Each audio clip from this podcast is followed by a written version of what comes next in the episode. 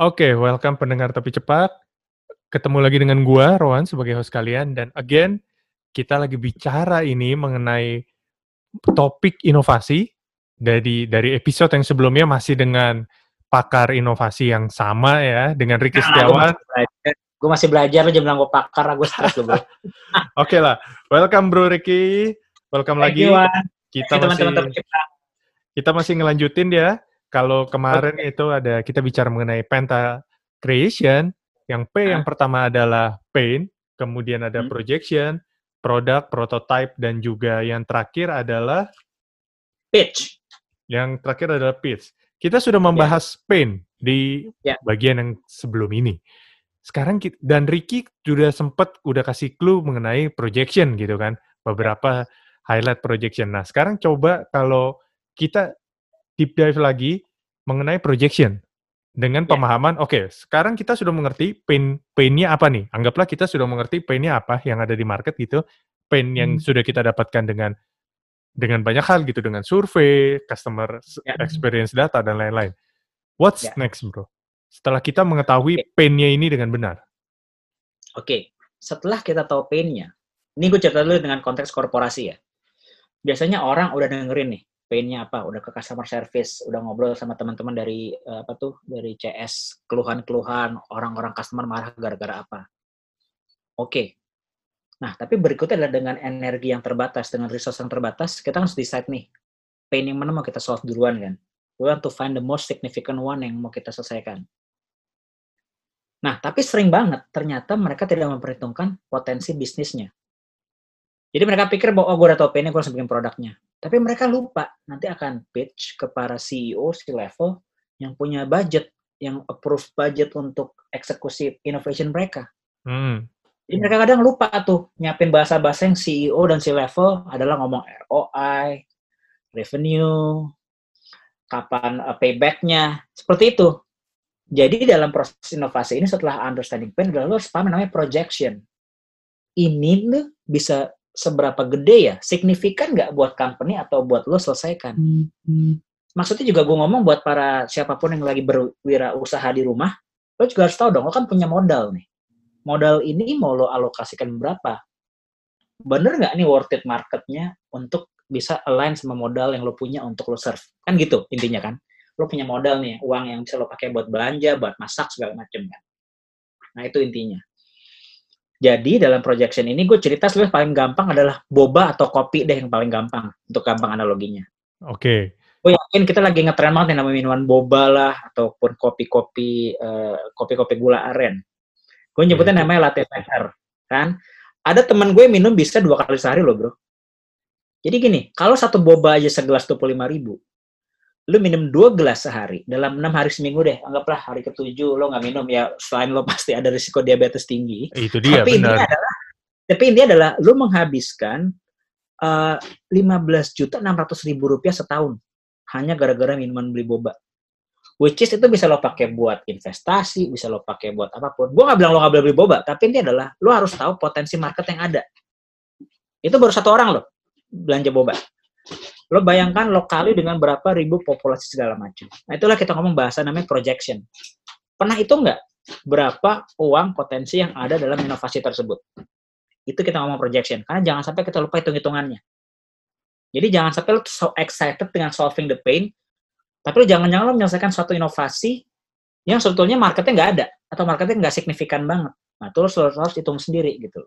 Dan ini gue belajar dari temen gue namanya Kevin Mintaraga.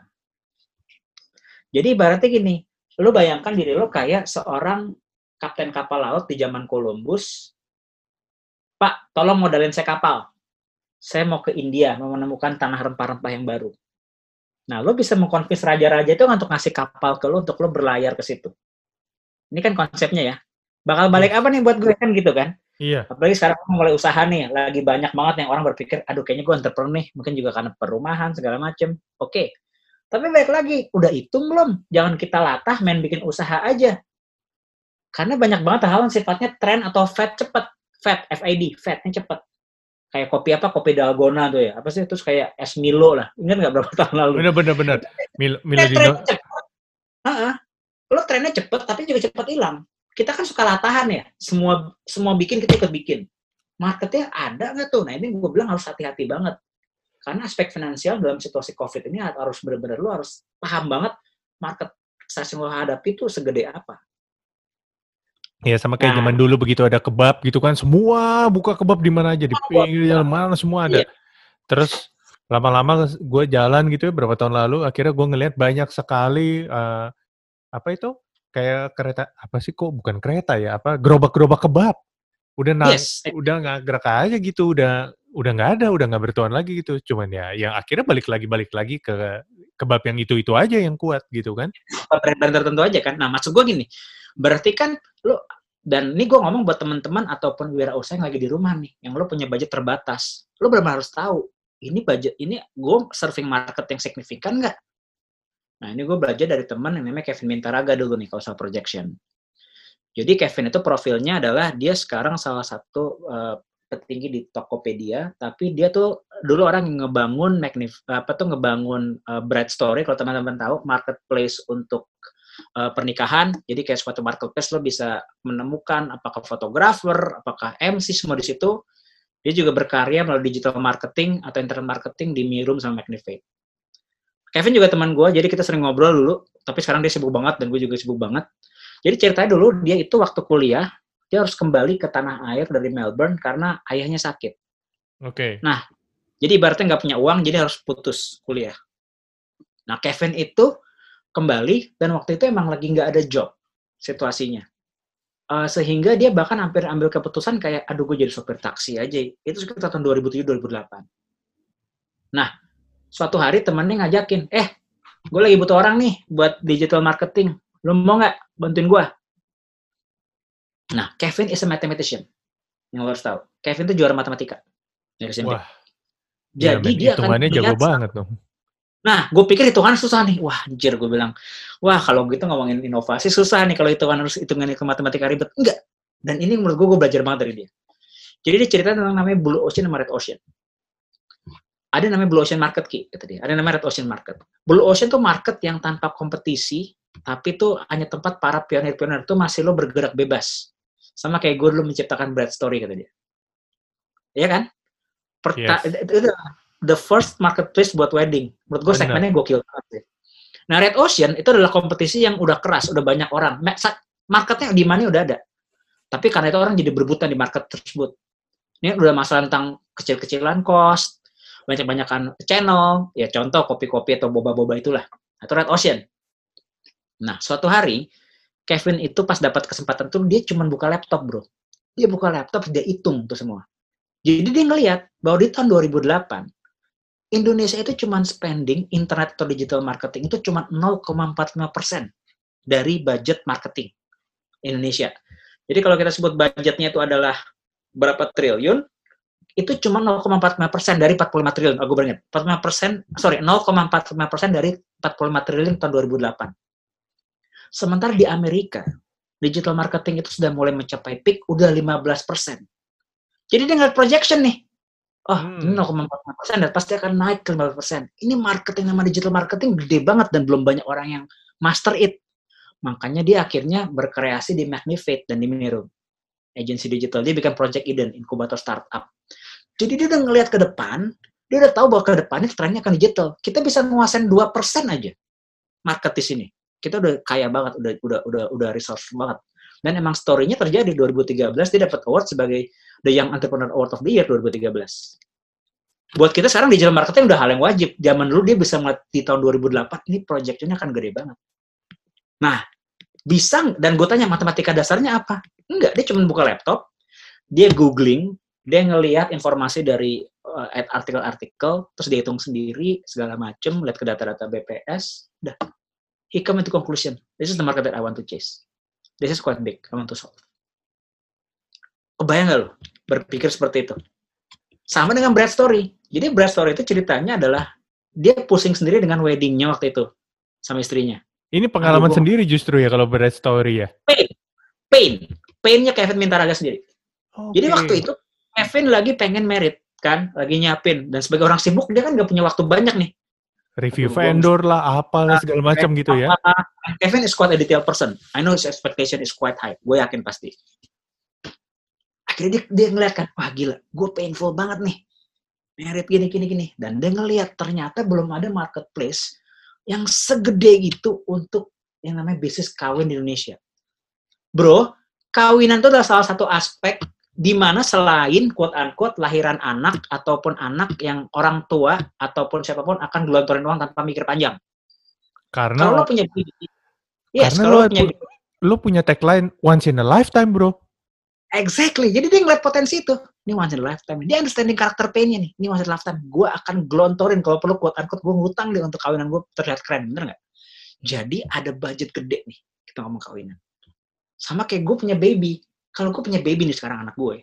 Baju bayi yang kecil aja size-nya secara jahitan tuh ber- berapa berapa meter sih istilahnya. Itu bisa ratusan ribu men. Tapi dia paham sebagai orang tua, lo nggak bisa nggak harus beli. Kan gitu. Jadi itu yang dia lihat, the size of the market itself. Lo bisa nggak dalam situasi ini ngelihat size of the market itself?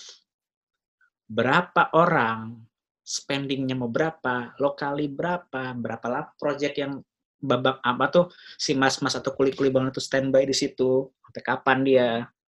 Karena ada salah satu cerita ibu-ibu temen gue, jadi dia samperin ke salah satu proyek rumah, terus dia bilang, saya masakin deh setiap hari buat Anda. Anda biasa budgetnya berapa? 4 ribu. Ya udah, misal contoh 4 ribu satu kali makan. Udah saya budgetin 3 ribu.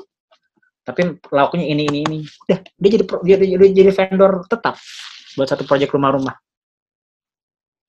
That's how you solve a problem dengan innovation. Itu ya bro, paham ya? Projection tuh kayak gitu. Sesederhana itu. Lo hitung hitungannya berapa. Jadi kasar gini kalau bahasa segampangnya lah. Hitung-hitungan lo masuk gak sih? Antara market yang lo mau hadap, mau serve, sama pain itu align gak sih? Benar, Gitu. benar. Nah, teman gitu. Nah, sementara kalau di konteks perusahaan tuh ada beberapa aspek yang lo bisa ngelihat. Ini kalau buat teman-teman korporasi nih biasanya ya. Gue kan kalau ngomong korporasi. Angka-angka aja apa sih yang contoh terlibat? Bisa contoh revenue. Berapa revenue yang lo bisa dapetin? Atau sebaliknya, lo bisa nggak cost saving? Kan inovasi juga ngomong cost saving ya. Bisa nggak lo bikin cost saving? Atau bahasanya adalah pleasure. Berapa orang mau bayar untuk meningkatkan pressure? Ini contoh mungkin kalau di airline business class. Ada orang-orang yang mau bayar lebih untuk pressure. Kan take off landingnya sama nih sama Hmm. economy class. Tapi kan pressure-nya lebih banyak. Atau pain. Berapa orang mau bantu menghindari pain? Misalnya ngantri lebih cepat dibanding orang-orang lain. Nah, atau berapa orang mau bayar lebih lama untuk dapetin eh, kenikmatan, misalnya pijit yang lebih lama. Nah, bro, so many angle of financial yang lu bisa ngelihat. Dan itu cukup, maaf kata nih, kalau lu nggak bisa banyak bergerak karena karena COVID, emang lu harus belajar kayak Kevin. Idealnya emang lu ketemu orang sih, tapi dia harus bisa untuk buka laptop, lu cari datanya sebanyak mungkin. Apalagi Google. sekarang Google apa semua udah udah sangat gampang gitu ya. Itu Data maksud juga gue. terbuka. Gue nggak mau dengar ada alasan orang nggak tahu informasinya karena ah pasti ada data itu. Tinggal gimana lu cari keywordnya segala macem. Nah kayak gitu. Jadi Oke, mas gue adalah contoh.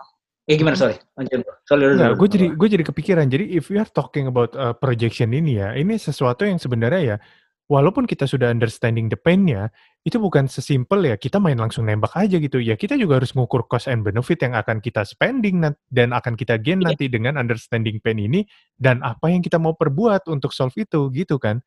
Iya, karena ujung-ujungnya kan dalam situasi ini kan selain survival lu juga pengen dapat uang kan, pengen pengen dapat cuan kan. Betul. Kan supaya kita ya hitungan gini lah sesederhananya kan kita harus hitung-hitungan bisnis harus masuk dong. Jadi gue nggak mau menciptakan inovator-inovator yang nggak mikir bisnis. Enggak, justru inovator harus berpikir kayak bisnismen. Kalau bukan ini, berapa segmen bisa dapetin ya? Berapa market yang bisa gue pegang? And that's what, what I learned from Kevin. Menarik, Jadi dia menarik. mikirnya kayak gitu. Dia mikirnya kayak gitu. Makanya gue bilang, kalaupun lo bisa membuat bisnis kecilan dari rumah pun, lo harus lihat potensi marketnya berapa, berapa orang yang mau bayar, lo keliling kalau perlu, observe sendiri, tetap dengan jaga jarak ya, tapi lo keliling sendiri, lo observe, lo lihat mana yang lo bisa bantu, lo samperin, bisa enggak udah punya profile, udah punya vendor makanan belum, oh ini ada yang udah buka, ada yang belum, oke gue samperin, emang harus effort man, tapi that's how innovation all about. Jadi nggak berpikir tentang create produk baru ya. Perhatian nggak? Gue nggak ngomong produk baru sama sekali. Belum, gue belum ngomong produk baru. Yang ngomongin baru kita ngomong pain dan projection. Oke, ini ini menarik, Rick. Jadi gue kebet gue gara-gara lo cerita ini, gue jadi inget satu hal ya pas ketika gue kerja di salah satu brand, ya gue mostly kerja di brand otomotif gitu kan. ya. Tapi ada Mhm. sa- ada satu kalau gue boleh sharing ke pendengar juga yang sangat dong. berkesan buat gue adalah ketika kita itu eh, di salah satu brand itu, gue kan sebagai product planning, gimana cara Hmm. kita mengconvince chief engineer chief engineer yang dari luar itu Hmm. hanya untuk bicara kursi kita tebelnya mobil tebelnya kursi mobil sofa duduk yang buat di sorry yang buat di pantat kita itu itu terlalu tipis kita cuma mau Mhm. ngomong itu doang ini terlalu tipis orang nggak nyaman dan kita melakukan itu tuh dengan melakukan survei lah FGD lah apa semua sampai yang terakhir adalah kita mengajak mereka karena kan dari hasil result itu keluar semua orang Indonesia ah sorry orang kota besar lah dan terutama di Jakarta gitu ambil contoh weekend ke mana sih somehow banyak banget yang menjawab ke puncak Mhm. Ah. Dan itu perlu karakter khusus kan. Betul. Dan apa yang dan yang gue happy dari chief engineer chief engineer ini adalah gue mau jalan ke puncak biar gue mau tahu seberapa sih kalian nggak bisa tolerance dengan ketebalan kursi kita. Yang kita lakukan adalah waktu itu Oh, weekend kita berangkat ke puncak dan buat gue ini sangat beruntung walaupun capek di jalan tapi ini beruntung karena itu ternyata minggu terakhir liburan bro.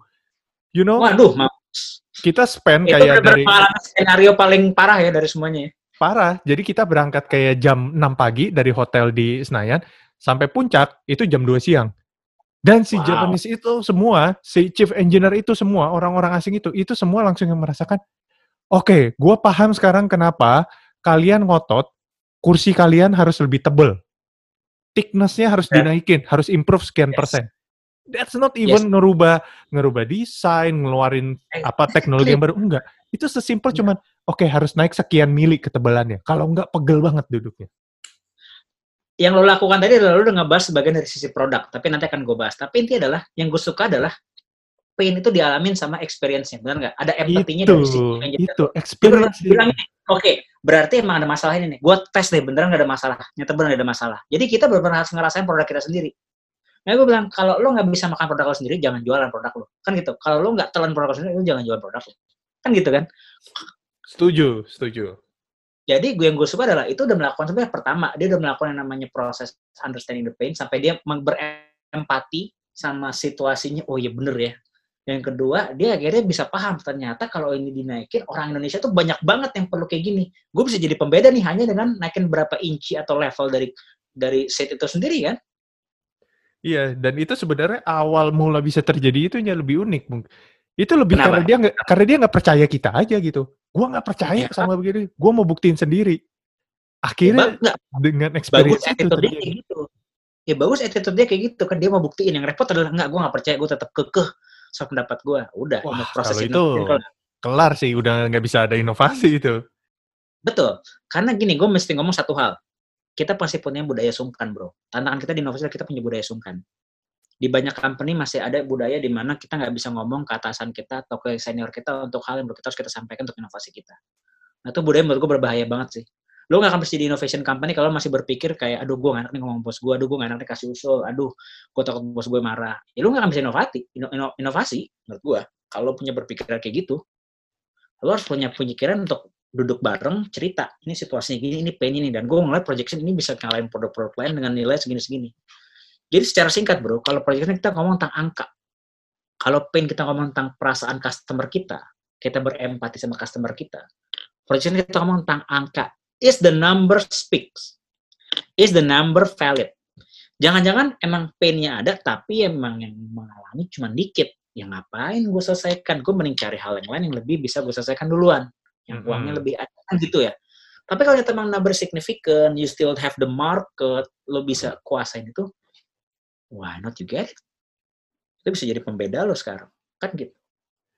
So, when we are talking about projection ini ya, ini bisa juga dibilang ketika uh, begitu udah ngeliat angka dan lainnya kayak, lu bener-bener solve the pain atau you just nice to have gitu kan. Begitu nice to have ya, lu akan, right word akan kelewat gitu ya. Ya, apa ya, maksudnya ya bisnis itu akan hilang dengan sendiri, eksistensi lo akan hilang sendiri begitu lu cuma nice to have, karena artinya you are far away dan ini kan that top priority kayak less priority banget ya. Gue nggak perlu lah gitu Iya. kan. Berarti kan lo lo buang duit untuk investasi atau creation untuk hal yang nice to have. Orang yang baru ngeliatnya tuh baru kesekian ngeliat, oh iya gue nggak butuh sih sekarang kan gitu. Lo bayangin kalau iya gue butuh, yang dan yang bilang gue butuh tuh banyak. Now you hit the right one. Tinggal baru nanti di yang P ketiga kita bahas gimana kita merevisi produknya. Ngerti maksud gue? Oke. Jadi di sini kita pernah ngeliat yang pertama, oh iya gue ngerasain dan gue perlu itu. Ya, Jadi ini bukan nice to have. This is like a COVID drugs. Ini baru kayak obat COVID. Kayak gue butuh banget dan gue butuh sekarang. Itu udah pain. Yang kedua, marketnya juga ada nih yang bilang, ya gue butuh banget, gue butuh gue butuh cepet. Oke. Jadi gue boleh ceritakan contoh. Sekarang beberapa teman gue bahkan udah bikin udah bikin perusahaan untuk bikin masker. Nggak pernah bikin masker, tapi dia know there will be a market for masker yang stylish, yang pakai statement-statement ngehe. Akan ada marketnya. Tinggal tunggu Benar. waktu aja. Karena semua orang pasti butuh, semua orang akan keluar dan mereka nggak bisa ngomong kalau di kendaraan umum kan they want to look cool, they will have a statement in their mask. Ya maybe there will be another market for that. Cost-nya murah, potensinya tinggi. Itu kan oleh gue ngomong, semua orang pasti butuh masker. Iya, masker jadi jadi lini baru di dalam industri fashion menurut gua. Exactly, masker, sanitizer, you call it in this COVID, banyak banget hal, -hal baru. Jadi gue Benar. adalah benar-benar benar-benar dalam kata bos dan kenapa dilakukan karena emang marketnya ada. Jadi itu maksud gue bahwa hey guys, uh, please also selain lihat pain juga lihat ada nggak hal-hal yang secara market itu cukup signifikan untuk lo ambil secara uang. Nah ini yang gue bilang uh, dalam situasi COVID ini gue yakin banyak pain yang terjadi. People endures a lot of pain. Nah, kita bisa ngapain nih dalam situasi ini? Kita bisa solving the problem apa yang cukup signifikan. That's gonna be your innovation. Apa kalau menciptakan produk baru? Ya belum tentu. Kayak tukang sayur yang cerita tadi aja. Bener bener. Jadi itu Benar. adalah don't, don't mix innovation with invention. It's two different thing. Invention lo create new, new, new really product. Sometimes you just tweak some. Itu nanti kita bahas topik ketiga. Sometimes you just need tweak some, add some, reduce some, reshape some, and you create a new innovation. Iya, benar benar. Jadi ini makin menarik ya. Setelah kita kulik ke sini makin lama makin menarik bahwa inovasi itu ternyata nggak sesulit itu, tapi harus setiap stepnya dilakukan dengan benar dulu gitu. Ini gue percaya, itu gue percaya. Karena step ini mengurangi risiko. Karena gue nggak bilang bahwa inovasi ini kan pasti ada risiko ya. You create some brand new, lu juga tahu di otomotif lah. Lu create some new new car, new apa pasti ada inovasi, ada ada risiko kan, whether market accept it or not. Tapi at least dengan step-step ini risiko itu lo kurangi. Oke, Lo udah tahu apa yang terjadi gitu. Lo udah pre, pro- predict lah kira-kira. Lo udah do your homework kalau menurut gue. oke, ini menarik banget. Ini menarik banget. So, eh, terakhir untuk di sesi yang projection ini apa eh, ini ya Rick? Apa yang lo mau tekankan sekali lagi? Sebelum kita Ya. sebelum Ya. nanti kita lanjut di pertemuan berikutnya kita akan membahas mengenai produk ya. Produk. gue cuma bilang gini, eh, dalam situasi ini kita punya resource terbatas. Everybody try to find uh, to the way to manage the resources karena kita nggak tahu kapan COVID berakhir, bener nggak? Semua Betul. company pasti lagi jaga uang dia sampai kapan pun. Semua rumah tangga lagi menjaga keuangan dia sampai kapan pun. Karena COVID ini bukan periode, COVID ini kita nggak tahu kapan selesainya. Justru karena itu, tapi kita harus survive. Kita bahkan harus bisa thrive. Kita harus bisa menciptakan produk-produk atau inovasi baru untuk membuat kita juga ahead atau bahkan dapat in- dapat income tambahan. Justru lo harus berhitung sekali apakah yang lo kerjakan itu matters. Lo harus hitung sekali karena pasti perlu pengorbanan, perlu production, perlu perlu apa ya? Perlu budget. Jangan sampai lo nggak hitung budget itu sehingga pada saat lo main, main menjalankan aja, ternyata lo malah jadi rugi dan itu gue hindari dari invasi. Oke, menarik banget. Thank you lagi. Thank you banget Thank you bro. Kita sudahi dulu eh, apa Yes. sesi yang kedua ini. Kita akan ketemu lagi di sesi yang ketiga. Kita akan membahas produk. Oke, thank Yes. you semua pendengar Topi Cepat.